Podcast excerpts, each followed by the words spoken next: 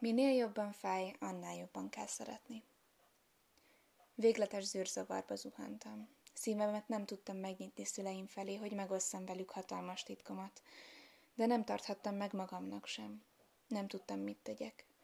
Nyilvánvalóvá vált, hogy különleges küldetést kaptam a mennystől. Ez mérhetetlen és félelmetes felelősség volt. Rettegéssel borzottam el, amikor arra gondoltam, talán nem tudom egy magam véghez vinni. Minden eddiginél jobban belekapaszkodtam az imába, hogy lecsillapítsam összezavarodott szívemet, azonban ennek sem volt eredménye. Akármennyire próbáltam, egyetlen pillanatra sem tudtam feledni Jézussal való találkozásom, ami teljesen megváltoztatta az életemet. Fájdalmas arckifejezése szívembe vésődött, mintha beleégették volna, és semmi másra nem tudtam gondolni. Attól a naptól kezdve teljesen belemerültem Isten szavába. Volt, amikor végtelen sötétség vett körül, és olyan fájdalommal töltött el, hogy nehéz volt lélegezni. Máskor szívem örömmel telt meg, mintha a reggeli napot látnám a horizont fölé emelkedni. Ilyen napok sorát éltem át, ami az ima egyre mélyebb és mélyebb világába vezetett el. Akkoriban a következő verset költöttem, hogy lecsendesítsem a szívemet és a könnyeimet. A dicsőség koronája. Fáj, ha az emberekben kétkedem. Elviselhetetlen, ha ítélkezem felettük. Nincs értéke létezésemnek, ha gyűlölök. Mégis, ha bízom, csalatkozom.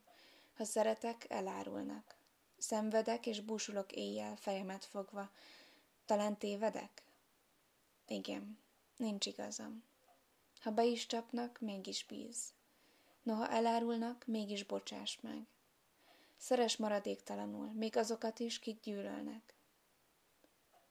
Töröld le könnyeid, és köszönsd mosolyjal azokat, kik nem ismernek mást, mint a csalást, és kik megbánás nélkül árulnak el. Ó, Mester, a szeretet fájdalma! Tekints kezemre, helyezd a kezed keblemre. Szétszakad a szívem, mi gyötrődés. Azonban, ha szerettem, kik ellenem tettek, győzelmet hoztam. Ha te is megteszed ugyanezt, neked adom a dicsőség koronáját. Átöleltem az igazság új szavait, amit közvetlenül Jézus adott nekem, és hagytam, hogy teljesen rabul ejtsen Isten. Merőben más életet kezdtem élni. Sok mindenről kellett gondolkodnom, és fokozatosan egyre szótlanabb fiúvá váltam. Aki Isten útját járja, annak egész szívvel és teljes odaadással kell követni a célját. Ez a cél rendületlenséget követel meg. Születésemtől fogva makacs vagyok, így mindig volt bennem jócskán elhatatosság. Arra használtam ezt az Isten adta kitartást, hogy legyőzzem a nehézségeket, és kövessem a nekem szánt utat. Ha ingadozni kezdtem, azzal szilárdítottam meg magam, hogy visszaemlékeztem. Közvetlenül Isten szavát kaptam meg. Nem volt könnyű ezt az utat választani, mert megkövetelte tőlem, hogy feláldozzam a fiatalságom hátralévő részét. Néha úgy éreztem, inkább elkerülném ezt az utat. A bölcsember a jövőbe helyezi reményét, és tovább megy előre, legyen bármilyen nehéz. A bolond ember azonban eldobja a jövőjét az azonnali boldogság érdekében. Magam is időnként bolond gondolatokat ápoltam, amikor még nagyon fiatal voltam. Végül azonban a bölcsember útját választottam. Boldogan ajánlottam fel az életem, hogy kövessem az utat, amire Isten vágyott. Ha akartam volna, sem tudtam volna elfutni. Ez volt az egyetlen út, amit választhattam. Miért engem hívott el Isten? Még most, 90 évesen is minden nap meglepődöm, hogy Isten miért engem hívott el. A világ összes embere közül miért pont engem választott? Nem azért, mert olyan különösen jó megjelenésű lettem volna, illetve kiemelkedő személyiségem vagy mély meggyőződésem lett volna. Jelentéktelen, makacs és balondos fiatal fiú voltam csupán. Ha Isten látott bennem valamit, akkor biztosan az őszinte szívet, amely a szeretet könnyeivel keresi őt. Bármikor és bárhol a szeretet a legfontosabb.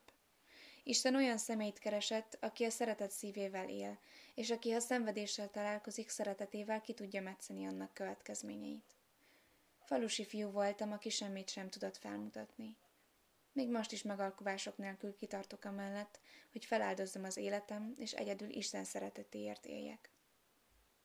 Egy magam semmit sem tudtam tenni, így Isten elé vittem az összes kérdésemet.